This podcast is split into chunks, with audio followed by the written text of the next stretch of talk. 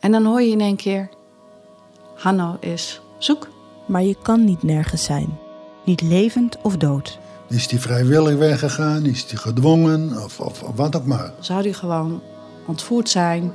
Mijn naam is Iris van den Boom. En samen met Ditya Kabba ga ik op zoek naar wat er is gebeurd met Hanno. Een doodgewone vader die van de een op de andere dag spoorloos verdween. Hè? Hanno? Hoe dan? Waarom dan? Open Eind, een podcast van het AD. Vanaf 27 mei te beluisteren via je favoriete podcast-app en ad.nl/slash podcast.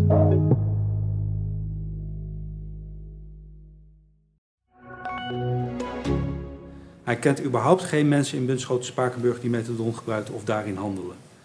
Verklaart erover, dat is next level methadon. Een beetje cocaïne en drank doet iedereen in het dorp.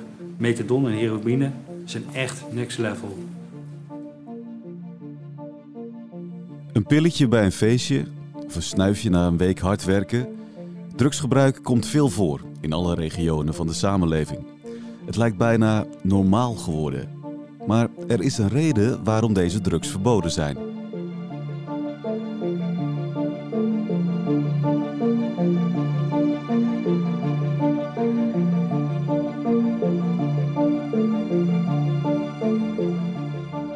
Mijn naam is Thomas Brouwer en je luistert naar De Zaak X. Een podcast van het AD in samenwerking met het podcastkantoor... waarin we wekelijks een spraakmakende rechtszaak bespreken. Met deze week... Lubertus slikte de verkeerde pil.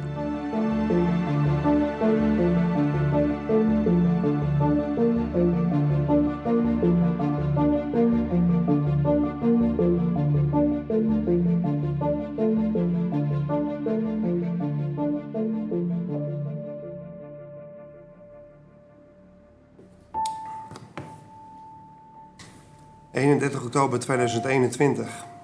Het moment dat ik gebeld werd, zal ik nooit meer vergeten. Je broer wordt gereanimeerd. Klonk het door de telefoon.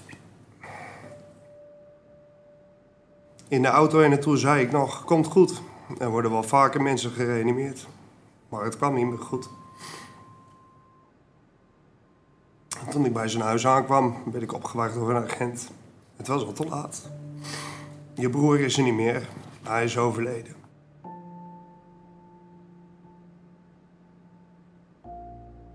Dan mag je plotseling het vreselijke nieuws gaan brengen bij je moeder, je zussen en andere familie. En even later zat ik in de auto om het zijn dochters te gaan vertellen.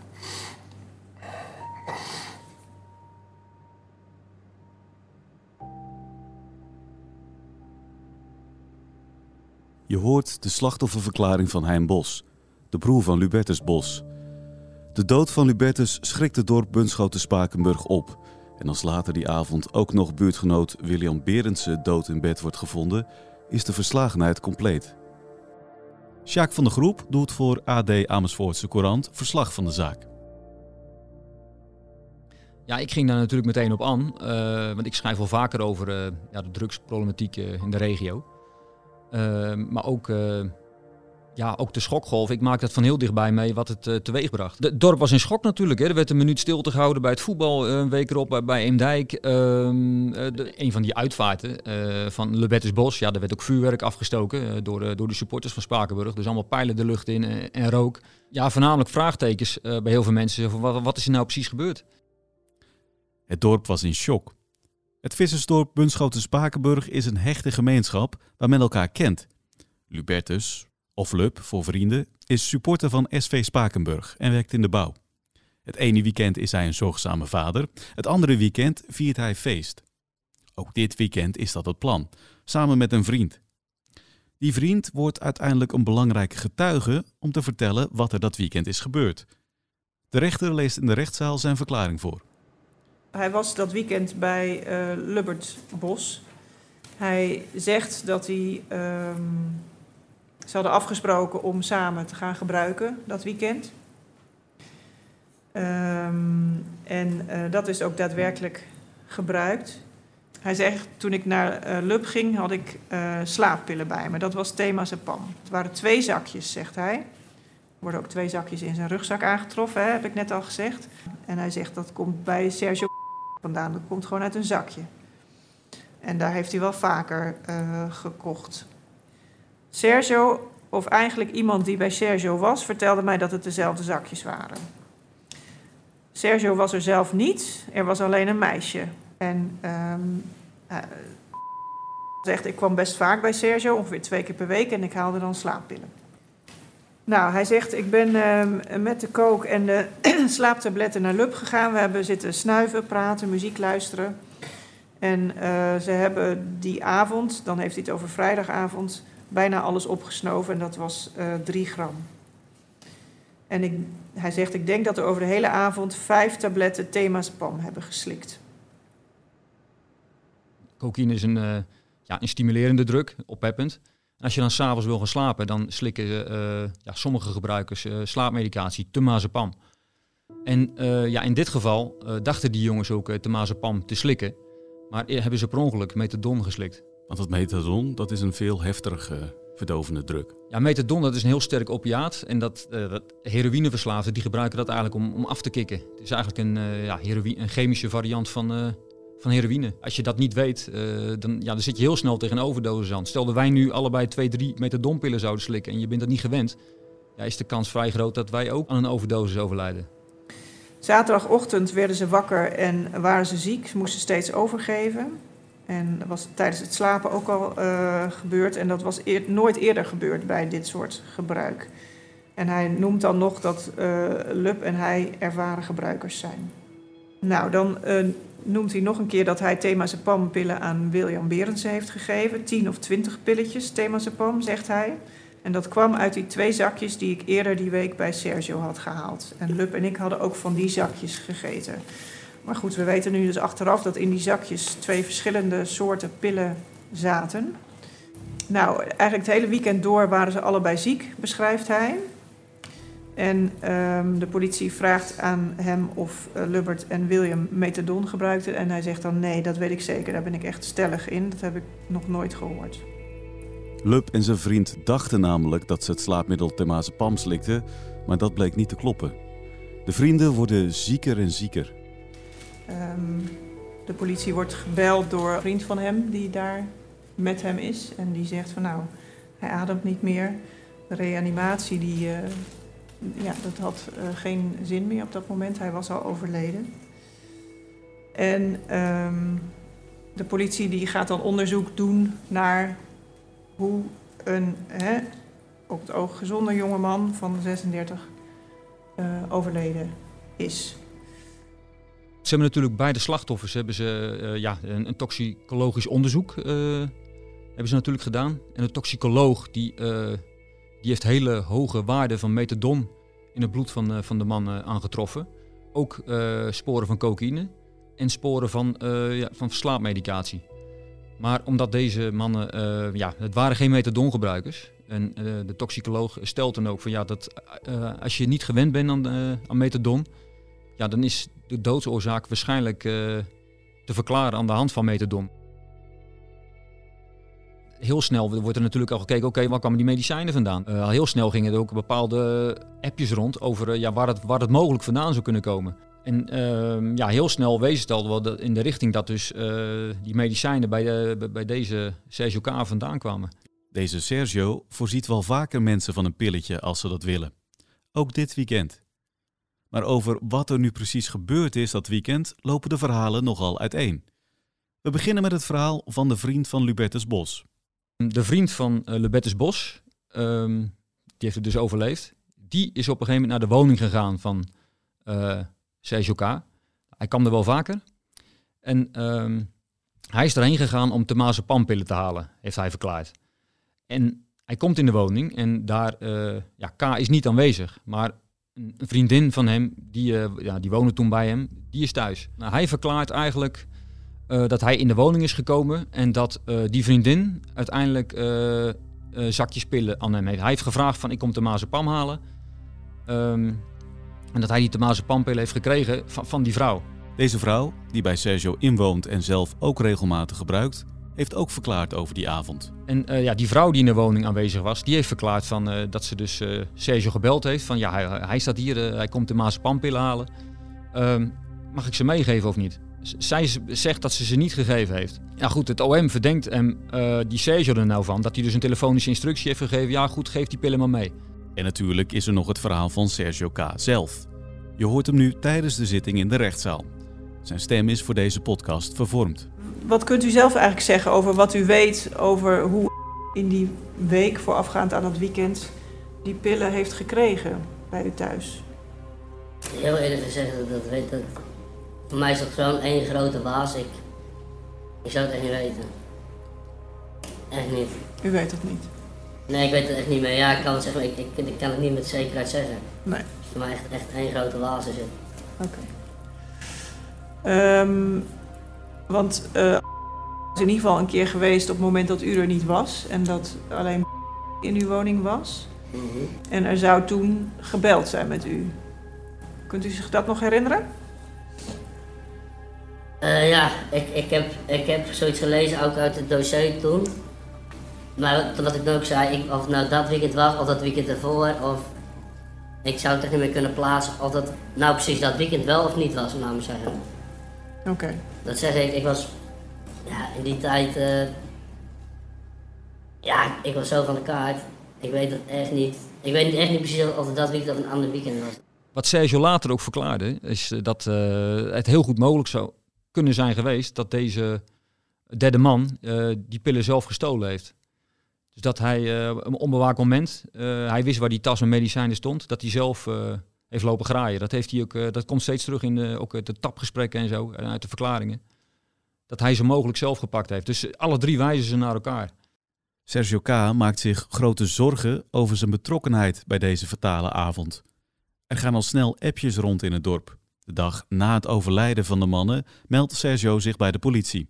Hij is daar eh, heen gegaan met zijn vader en een zus. En hij heeft eigenlijk daar drie uh, temazepam-pillen overhandigd. Om te laten onderzoeken door het NFI. Zo van, eh, ja, eh, deze temazepam, eh ja, die moeten ze mogelijk gebruikt hebben. En ja, die is gewoon goed. Dus de, aan die pillen kan het niet liggen. En ehm, ja, goed, de, politie die, die, die stond ook wel gek te kijken, denk ik. Want één keer duikt er een man vanuit het niks op van, die kon een paar pillen brengen. En ze hebben die pillen ook laten onderzoeken en het bleek inderdaad om temazepam te gaan, deze pillen. Vrij snel daarna rijdt hij naar Zoest, naar een vakantiewoning. En daar heeft hij op zolder dus een grote partij medicijnen eh, verstopt. eh, waaronder 45.000 temazepampillen, 8600 lorazepam-pillen, is ook slaapmedicatie. Eh, maar ook een potje met 195 metadompillen met een afdruk van 20 erop, 20 milligram. Op een gegeven moment wordt hij gearresteerd en dan ja, en, ze bezoeken zijn huis en dan vinden ze in een wit busje voor zijn huis ja, zitten 100 doosjes met de Tomase pampillen in. Die, ja, die zou hij ook, die moest hij van A naar B brengen, zou hij ook geld voor krijgen. Dat heeft hij later ook gezegd. Eh, op de stoel vinden ze notitieblokjes met allemaal aantekeningen over eh, ja, allemaal namen en, en getallen, eh, over oxycodon, over, over het thema, over, er stond, stond van alles in, ook namen. En op die stoel ja, zat ook fentanyl neusspray, dus ze vonden al verdovende middelen. Sergio beschikt dus over enorme voorraden medicijnen. Sjaak vertelt over de indruk die Sergio maakt. Ja, hij ziet er eigenlijk heel normaal uit. Het zijn wel eh, ja, tw- twee blauw getatoeëerde armen. Eh, maar verder ziet hij er gewoon eh, keurig verzorgd uit. En ehm, met zijn verklaringen maakt hij af en toe wel een beetje een warrige indruk. Weet je wel, de ene keer zegt hij dit en dan via de, tap hoor je weer dat. K is dus een man met een verslavingsverleden. hij heeft iets van twaalf keer in een afkikkliniek gezeten. Dan kikt hij af en dan ja, toch op een of andere manier begon hij weer. En ehm, ja, hij, hij, gebruikt eigenlijk van alles. Oxycodon, GHB, speed, ehm fentanyl neusspray. In verleden heeft hij zelf ook methadon gebruikt. Dus het is wel een, eh, een jongen met een, eh, ja, met, met een eh, verslavingsverleden. En toch wel behoorlijk zwaar in gebruik ook. En uiteindelijk in de tijd dus dat hij werd aangehouden, eh, had hij een uitkering. Vroeger werkte hij wel overigens. En ehm, ja, de verdenking is nu dus dat hij ook handelde in medicijnen. Hij zegt eigenlijk eh, dat hij dus die hele grote partij medicijnen voor 50 euro gekocht heeft van een crackjunk. Ehm, en dat hij het nog uit moest zoeken. Dus er zaten pillen bij, eh, niet in een doosje, pillen die over de datum waren. Het was eigenlijk eh, ziekenhuisafval, noemde hij het. Ehm, ja, en de voorzitter van de rechtbank die zei ook van, maar goed, 50 euro voor, voor zo'n grote partij medicijnen. Van, hoe- hoeveel, hoeveel kunt u die pillen verkopen dan? Nou ja, de 30 Temazepampillen kon hij een tientje voor krijgen. Dus ja, reken maar uit. Die zak van 45.000 Temazepampillen is er zo'n 14, 1500 euro waard. Sergio geeft toe dat hij handelde in medicijnen. Maar is hij ook schuldig aan de dood van Lubertus en William? Het is een lastige afweging voor de rechter. Ook omdat Sergio, zijn vriendin en de vriend van Lubertus allemaal net iets anders verklaren. Dat Sergio zelf niet thuis was toen de vriend van Lubertus de pillen kwam ophalen, maakt volgens de officier van justitie niet veel uit. Door Sergio kwamen ze aan de pillen en door zijn onvoorzichtigheid waren dat geen slaappillen, maar methadon. Nou, hiervoor had ik al geconcludeerd dat Lubbert Bos en Willem Berendsen zijn overleden aan het gebruik van methadon die bij vandaan kwam. Vervolgens kan worden vastgesteld dat door de gedragingen en nalaten van de bewuste tabletten methadon in de handen van zijn gekomen en van daaruit in de handen van Lubbert Bos en Willem Berendsen. Gelet op dit alles kan de dood van Lubbert Bos en Willem Berendsen aan worden toegerekend. Zonder het eerder genoemde handelen en nalaten van waren Bos en Berendsen niet overleden. Die pillen komen dus uit zijn woning, uh, dat, dat vindt het uh, OM bewezen. En ja, dat hij dus voornamelijk die pillen bewaarde zonder labels, zonder ja, dat gewoon één grote tyfusbende in zijn huis was. Dus hij had eigenlijk moeten weten dat als hij pillen meegeeft aan mensen, hij wist het gewaar van die methadon, dus had hij ook, ja, dat had hij dus moeten zeggen. Of hij had in ieder geval ervoor moeten zorgen dat niemand in die kamer had kunnen komen. De verdediging is het hier niet mee eens. Zij vragen de rechtbank te kijken naar wat concreet bewezen kan worden. Er kan worden vastgesteld dat de cliënt een tas met een grote hoeveelheid medicijnen in zijn woning heeft gehad. En er kan als doodsoorzaak van de slachtoffer Bos en Berendsen intoxicatie met methadon worden vastgesteld. Maar de vraag is wat er kan worden bewezen, wat er kan worden vastgesteld, wat zich tussen deze twee momenten heeft vast afgespeeld. Wat in ieder geval kan worden vastgesteld, is dat cliënt de pillen niet aan Bos en Berendsen zelf heeft gegeven. Ook vindt de verdediging het raar dat alleen Sergio K. terecht staat. De vriend van Lubertus kwam immers de pillen halen en de vriendin van Sergio gaf waarschijnlijk de pillen. In het gehele opsporingsonderzoek is voorbijgegaan aan het feit dat ook zij zelf hadden kunnen en moeten checken of dat de pillen die zij pakten wel klopten die zij meegaven. In het opsporingsonderzoek is enkel uitgegaan van een verantwoordelijkheid liggend bij cliënt. Maar hebben ook een eigen zelfstandige verantwoordelijkheid gehad om zelf de pillen te controleren. Het is ontzettend onrechtvaardig dat alleen cliënt, met name in dit dossier, in dit dorp, gelet op alle feiten en omstandigheden, dat alleen cliënt hier vandaag zit om verantwoording af te leggen voor hetgeen er is gebeurd ten aanzien van de dood van Bos en Berendsen. Uiteindelijk gaat de rechtbank mee in het verweer van de verdediging en spreekt Sergio K. vrij van dood door schuld. Wel krijgt hij een celstraf van 18 maanden voor de handel in medicijnen. Omdat Sergio het onvoorwaardelijke deel van die straf al in voorarrest heeft uitgezeten, komt hij meteen vrij.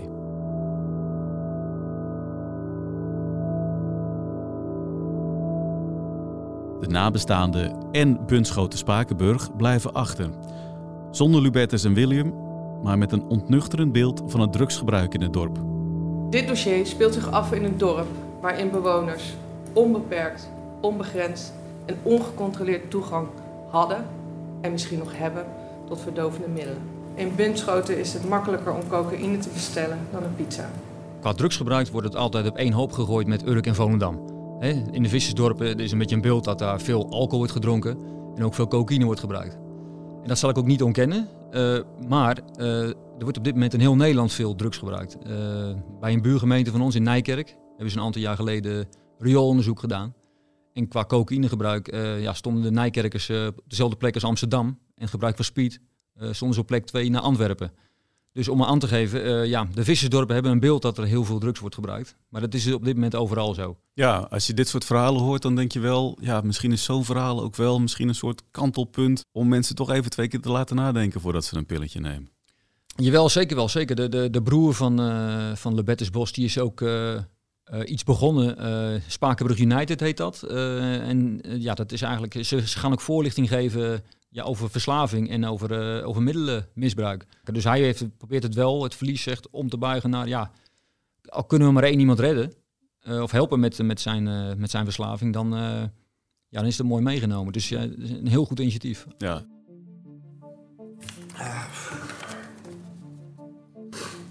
Tegen me die wil ik het volgende zeggen. Ik wil dat je weet dat ik niet boos op je ben. Wel zou ik het heel stoer van je vinden als je kan toegeven onderdeel te zijn van de oorzaak van het hele gebeuren. Er zijn twee jongens overleden door verboden verdovende middelen uit jouw woning. Je moet wel van steen zijn als het niet met je doet. En ik denk dat je niet van steen bent. Ik begrijp het als je voor jezelf kiest, maar probeer niet de waarheid te ontlopen, want die zal je vroeg of laat weer inhalen. Ik hoop dat je na dit alles wat is geweest of nog komen gaat, iets van je leven gaat maken. Er zijn mensen die om jou geven. Zorg dat ze trots op je kunnen zijn. Ga leven zonder die rotzooi tegemoet. Jij bent hun zoon, broer en oom. Wij hebben onze zoon, broer en oom niet meer. Ik geloof in vergeving en niet in boosheid. Ik geloof in een weg terug voor iedereen, ongeacht wat je gedaan hebt in je leven.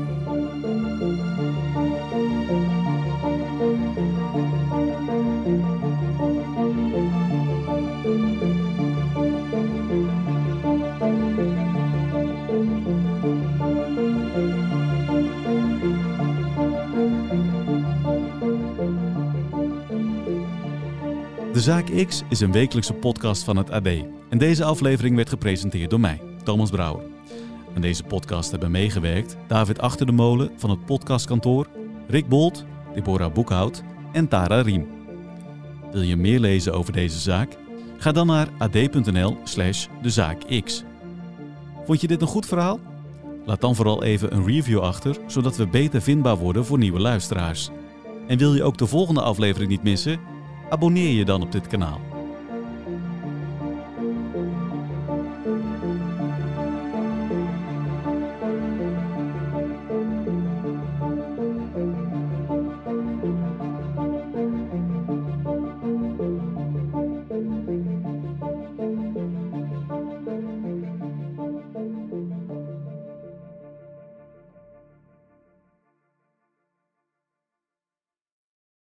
Hoi, ik ben Joost Twinkels, radio-dj bij Q Music. Dit is mijn vader Piet. Lieve Joost, je staat nou recht tegenover mij en ik praat nou op twee manieren tegen jou. Als je dit bandje luistert, dan weet je niet meer dat je hier gestaan hebt. Dit jaar is hij precies 20 jaar dood. En ondanks dat ik me weinig van hem kan herinneren, mis ik hem. Speciaal voor mijn broer Koen en mij liet hij brieven en audio-opnames na... die ik in deze podcast induik om niet alleen hem, maar ook mezelf beter te leren kennen. Ik heb geprobeerd om jullie te vertellen dat liefde het allerbelangrijkste is. Hou van elkaar en van de wereld om je heen. Dan komt alles goed. Liefst Papa Piet luister je nu in je favoriete podcast-app.